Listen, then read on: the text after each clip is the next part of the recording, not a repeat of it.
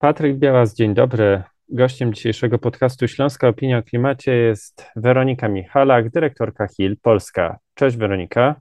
Dzień dobry Państwu, cześć Patryk. Przed kilkoma dniami naukowcy z The Lancet Countdown y, opublikowali raport pod tytułem Zdrowie na łasce paliw kopalnych. O co chodzi w tym raporcie? Czy to jest pierwszy taki raport i co z tego raportu wynika dla Polski, ale też dla Śląska? To jest inicjatywa, która trwa już wiele lat, samo Lancet Countdown. Jest to program zapoczątkowany i koordynowany przez y, osoby związane z czasopismem The Lancet, czyli najbardziej prestiżowym medycznym czasopismem świata.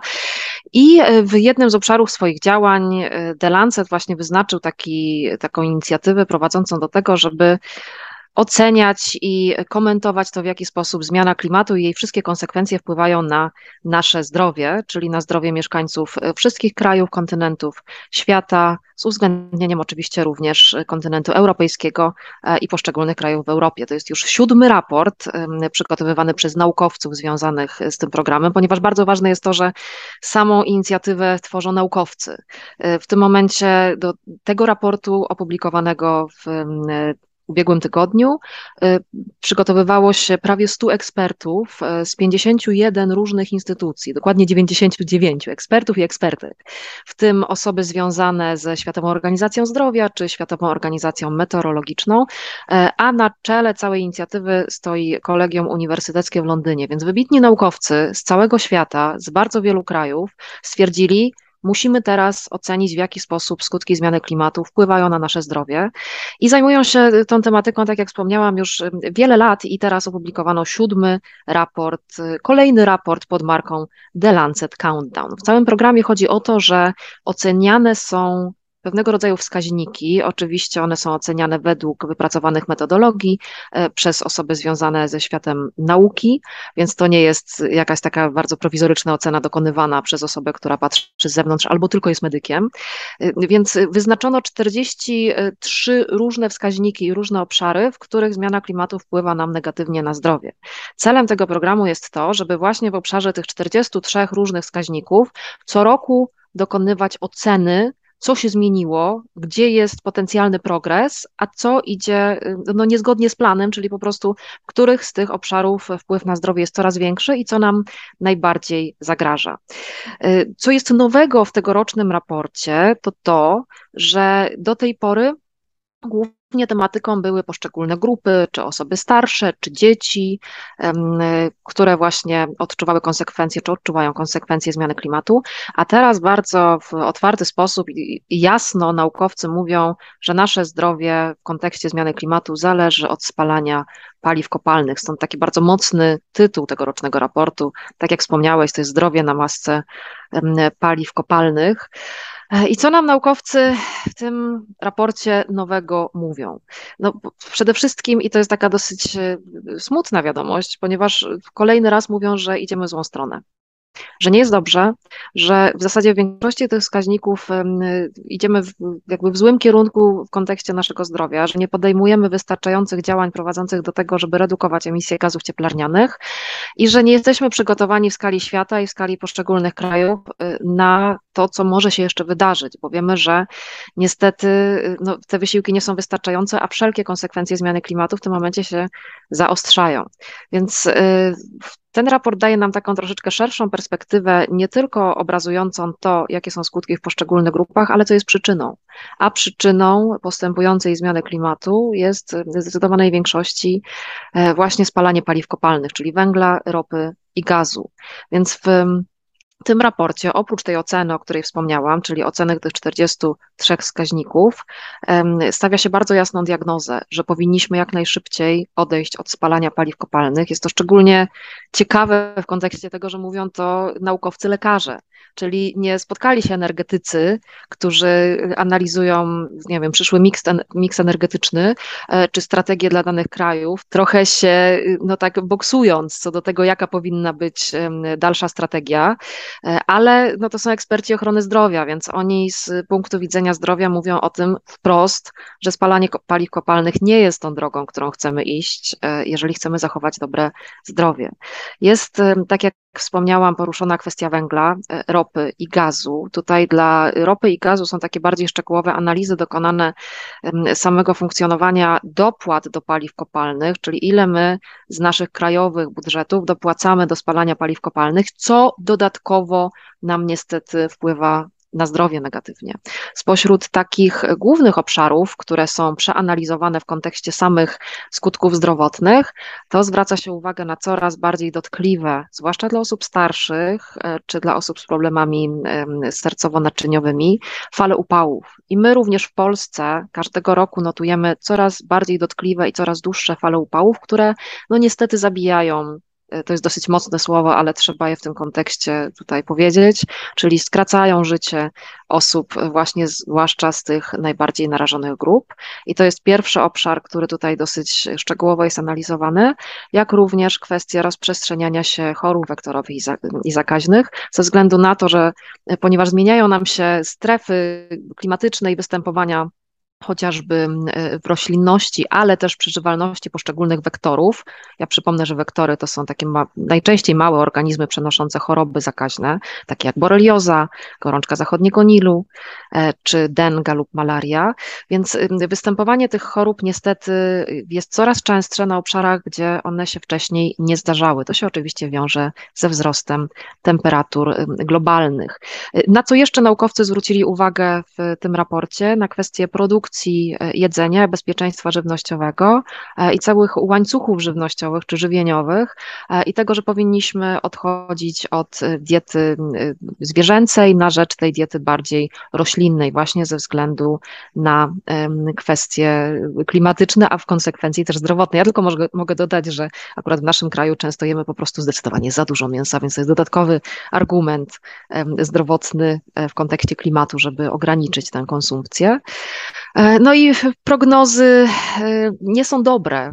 To znaczy, oczywiście raport jest niezwykle długi, więc ja bym musiała tutaj bardzo długo mówić, żeby analizować wszystkie e, wszystkie kwestie związane z każdym z tych wskaźników. Zachęcam Państwa oczywiście do tego, żeby przejrzeć ten raport, żeby się z nim zapoznać. Na naszej stronie hilpolska.pl Dostępne jest streszczenie raportu w języku polskim, które zrobiliśmy tutaj dla ułatwienia zrozumienia tego problemu, e, więc zachęcam, ponieważ oczywiście oryginał jest w języku angielskim i o ile mi wiadomo, jeszcze nie został przetłumaczony. Więc prognozy nie są dobre. Tutaj jeszcze dodam może, że kolejnym obszarem jest kwestia pyłków, pylenia, okresu pylenia e, i tych okresów alergicznych dla osób, które niestety borykają się z alergiami i to też się pogorszy i zaostrzy. Sytuacja jest coraz gorsza ze względu na to, że okres pylenia tych głównych europejskich drzew wpływających na alergię, to mogę tutaj wymienić brzozę, olchę czy drzewo oliwne, rozpoczyna się nawet 20 dni wcześniej, jest po prostu dłuższy e, i te dolegliwości są coraz y, poważniejsze. Więc dokonuje się też tutaj jakby analizy, do ilu zgonów y, prowadzi spalanie paliw kopalnych i to, są, to jest ponad 100 tysięcy zgonów w 2020 roku z powodu tylko pyłu zawieszonego. E, analizowany jest y, zarówno sektor energetyki, jak i sektor transportu e, i jakby tego, tych rodzajów wpływu na y, zdrowie poprzez zmianę klimatu jest bardzo dużo, bo na przykład jeżeli analizujemy kwestię zanieczyszczenia powietrza, to to nie jest bezpośredni skutek zmiany klimatu, e, tylko to jest współistniejący problem, który związany jest właśnie ze spalaniem tych paliw kopalnych, a jak wiemy w Polsce już każdego roku umiera około 50 tysięcy osób z powodu narażenia na zanieczyszczenie powietrza. Do tego musimy doliczyć właśnie te osoby umierające z powodu fal upałów, y, chorób wektorowych i tak dalej, i tak dalej. No borelioza tutaj spośród chorób wektorowych jest taka najbardziej charakterystyczna i dotkliwa w Polsce. Y, kilkukrotnie wzrosła zachorowalność na, na boreliozę w ciągu ostatnich lat. Oczywiście lepiej się ją diagnozuje też ze względu na wyższy poziom wiedzy, ale jest to zauważalne. A niestety denga i malaria już się pojawiają w Europie u osób niepodróżujących, czyli te tropikalne choroby zakaźne, które zawsze nam się kojarzyły z jakimiś bardzo dalekimi, odległymi krajami, w tym momencie już dotarły do Europy. Y, raport szacuje również y, zewnętrzne koszty zdrowotne, y, które związane są na przykład z ekstremalnymi zjawiskami pogodowymi, ponieważ kolejnym obszarem skutków zmiany klimatu jest to, że mamy coraz częstsze nie tylko fale upałów, ale burze, ekstremalne deszcze, bardzo intensywne e, huraganowe wiatry. Również w Europie też obserwujemy to w Polsce i niestety no, wiemy, że będzie się to e, nasilać, więc e, no, tych konsekwencji jest bardzo wiele i praktycznie w każdym z nich te wyzwania stają się coraz poważniejsze. Powinniśmy jak najszybciej wedle naukowców i diagnozy stawianej w raporcie odchodzić od spalania paliw kopalnych, a już na pewno nie dofinansowywać właśnie przemysłu paliw kopalnych ze względu na to, że no, jest to podwójne płacenie Najpierw dopłacamy do y, spalania y, węgla, ropy i gazu, a potem jeszcze płacimy swoim własnym zdrowiem, czyli te koszty zdrowotne dochodzą. E, takie globalne spojrzenie na bardzo skomplikowany problem i duże wyzwanie dla całego świata tak naprawdę, ze względu na to, że zmiana klimatu jest problemem globalnym i wszystkie kraje powinny w tym momencie wspólnymi wysiłkami dążyć do tego, żeby emisję gazów cieplarnianych ograniczać. No nie jest to taka optymistyczna czy pozytywna publikacja, ale jest oparta o dane naukowe, więc no z pełnym przekonaniem naukowcy wzywają decydentów tego świata do tego, żeby po prostu przestawić się na nowe, niskoemisyjne i, i chociażby kontekście produkcji energii takie czystsze myślenie o naszym środowisku, ponieważ każda szkoda wyrządzona w środowisku po prostu odbija się na naszym zdrowiu, a zmiana klimatu jest tego idealnym przykładem. Pozostawmy na chwileczkę e, kryzys klimatyczny i zmianę klimatu e, na boku, bo również w ubiegłym tygodniu pojawiła się propozycja Komisji Europejskiej dotycząca aktualizacji przepisów określających limity zanieczyszczeń powietrza w Unii Europejskiej. Na czym ta nowe propozycje Komisji Europejskiej polegają? Bo przypomnę, że ostatnio wprowadzone przepisy zostały przyjęte czy weszły w życie w 2008 roku. Czy na przestrzeni tych kilkunastu ostatnich lat, a co za tym idzie na przyszłość, są i na czym mają polegać te zmiany?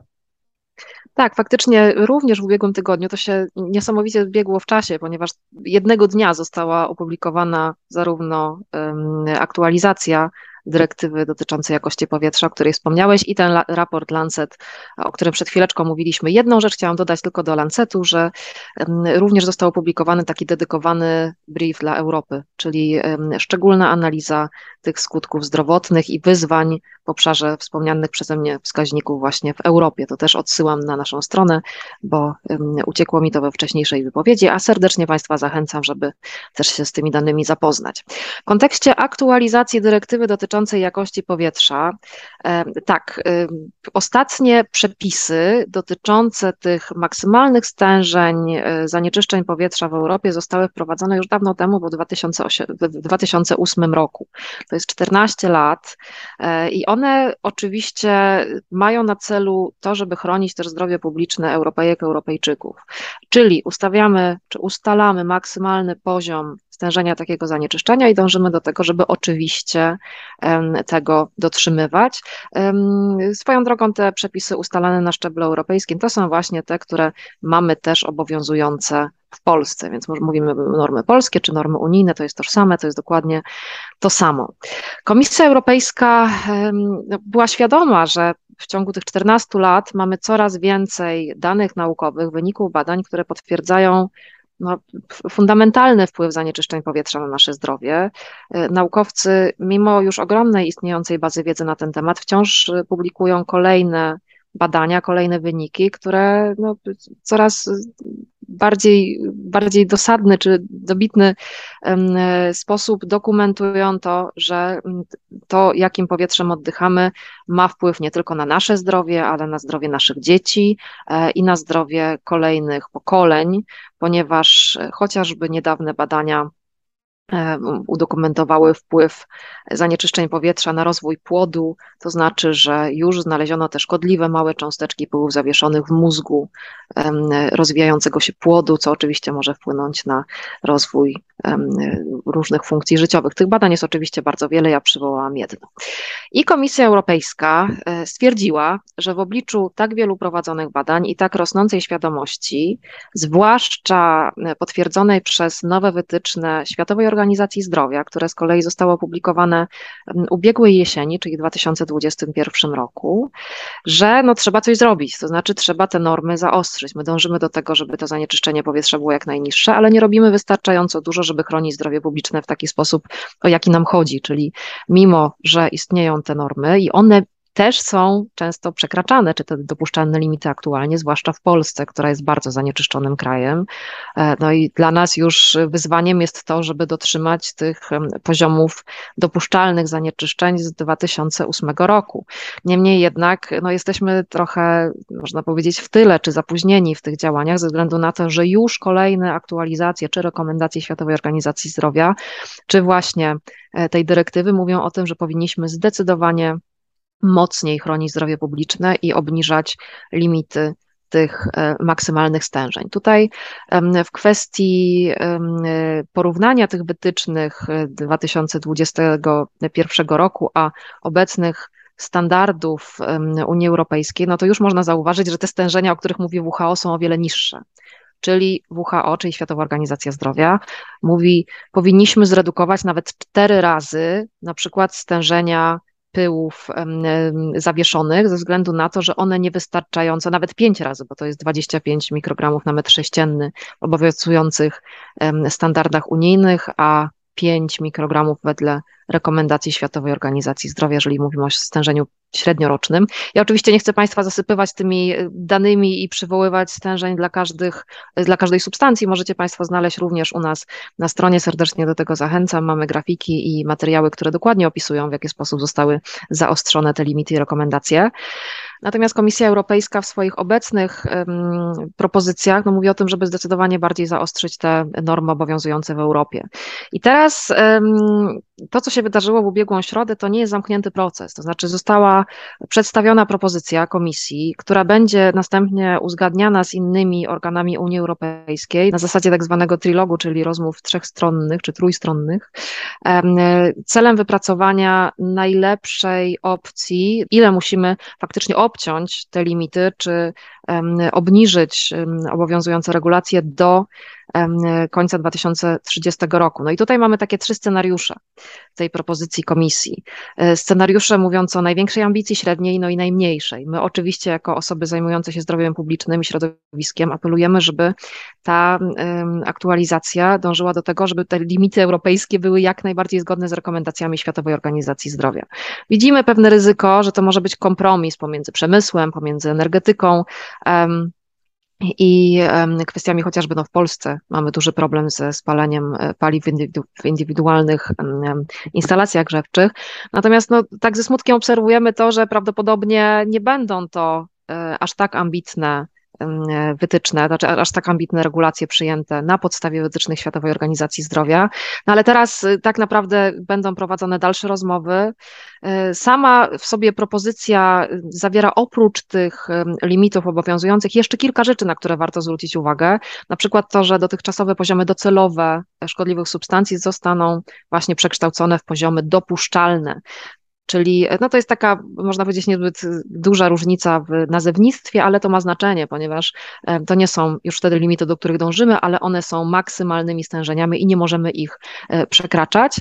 E, kolejną taką ciekawą aktualizacją jest kwestia odszkodowań za szkody na zdrowiu spowodowane właśnie z, przez oddychanie zanieczyszczonym powietrzem. Było w Polsce kilka takich pionierskich spraw dotyczących odszkodowań za szkody na zdrowiu, niemniej jednak one głównie tutaj skupiały się na argumentacjach podczas procesów sądowych na tym, że to było ograniczenie do wolności, czy nawet zakłócanie miru domowego. No w tym momencie ta propozycja mówi o tym, że tak naprawdę to państwo będzie odpowiedzialne za to, żeby udowodnić, że nie było tej szkody na zdrowiu, jeżeli ona będzie, będzie próba jej wykazania przez osobę poszkodowaną i nawet w ciągu pięciu lat będzie można pod, jakby tej szkodzie na zdrowiu domagać się odszkodowania. Oczywiście celem nie jest to, żeby teraz w kraju, który jest tak zanieczyszczony jak Polska, każdy poszedł do sądu i, i chciał odszkodowanie za zdrowie czy za uszczerbek na zdrowiu, ale chodzi głównie o to,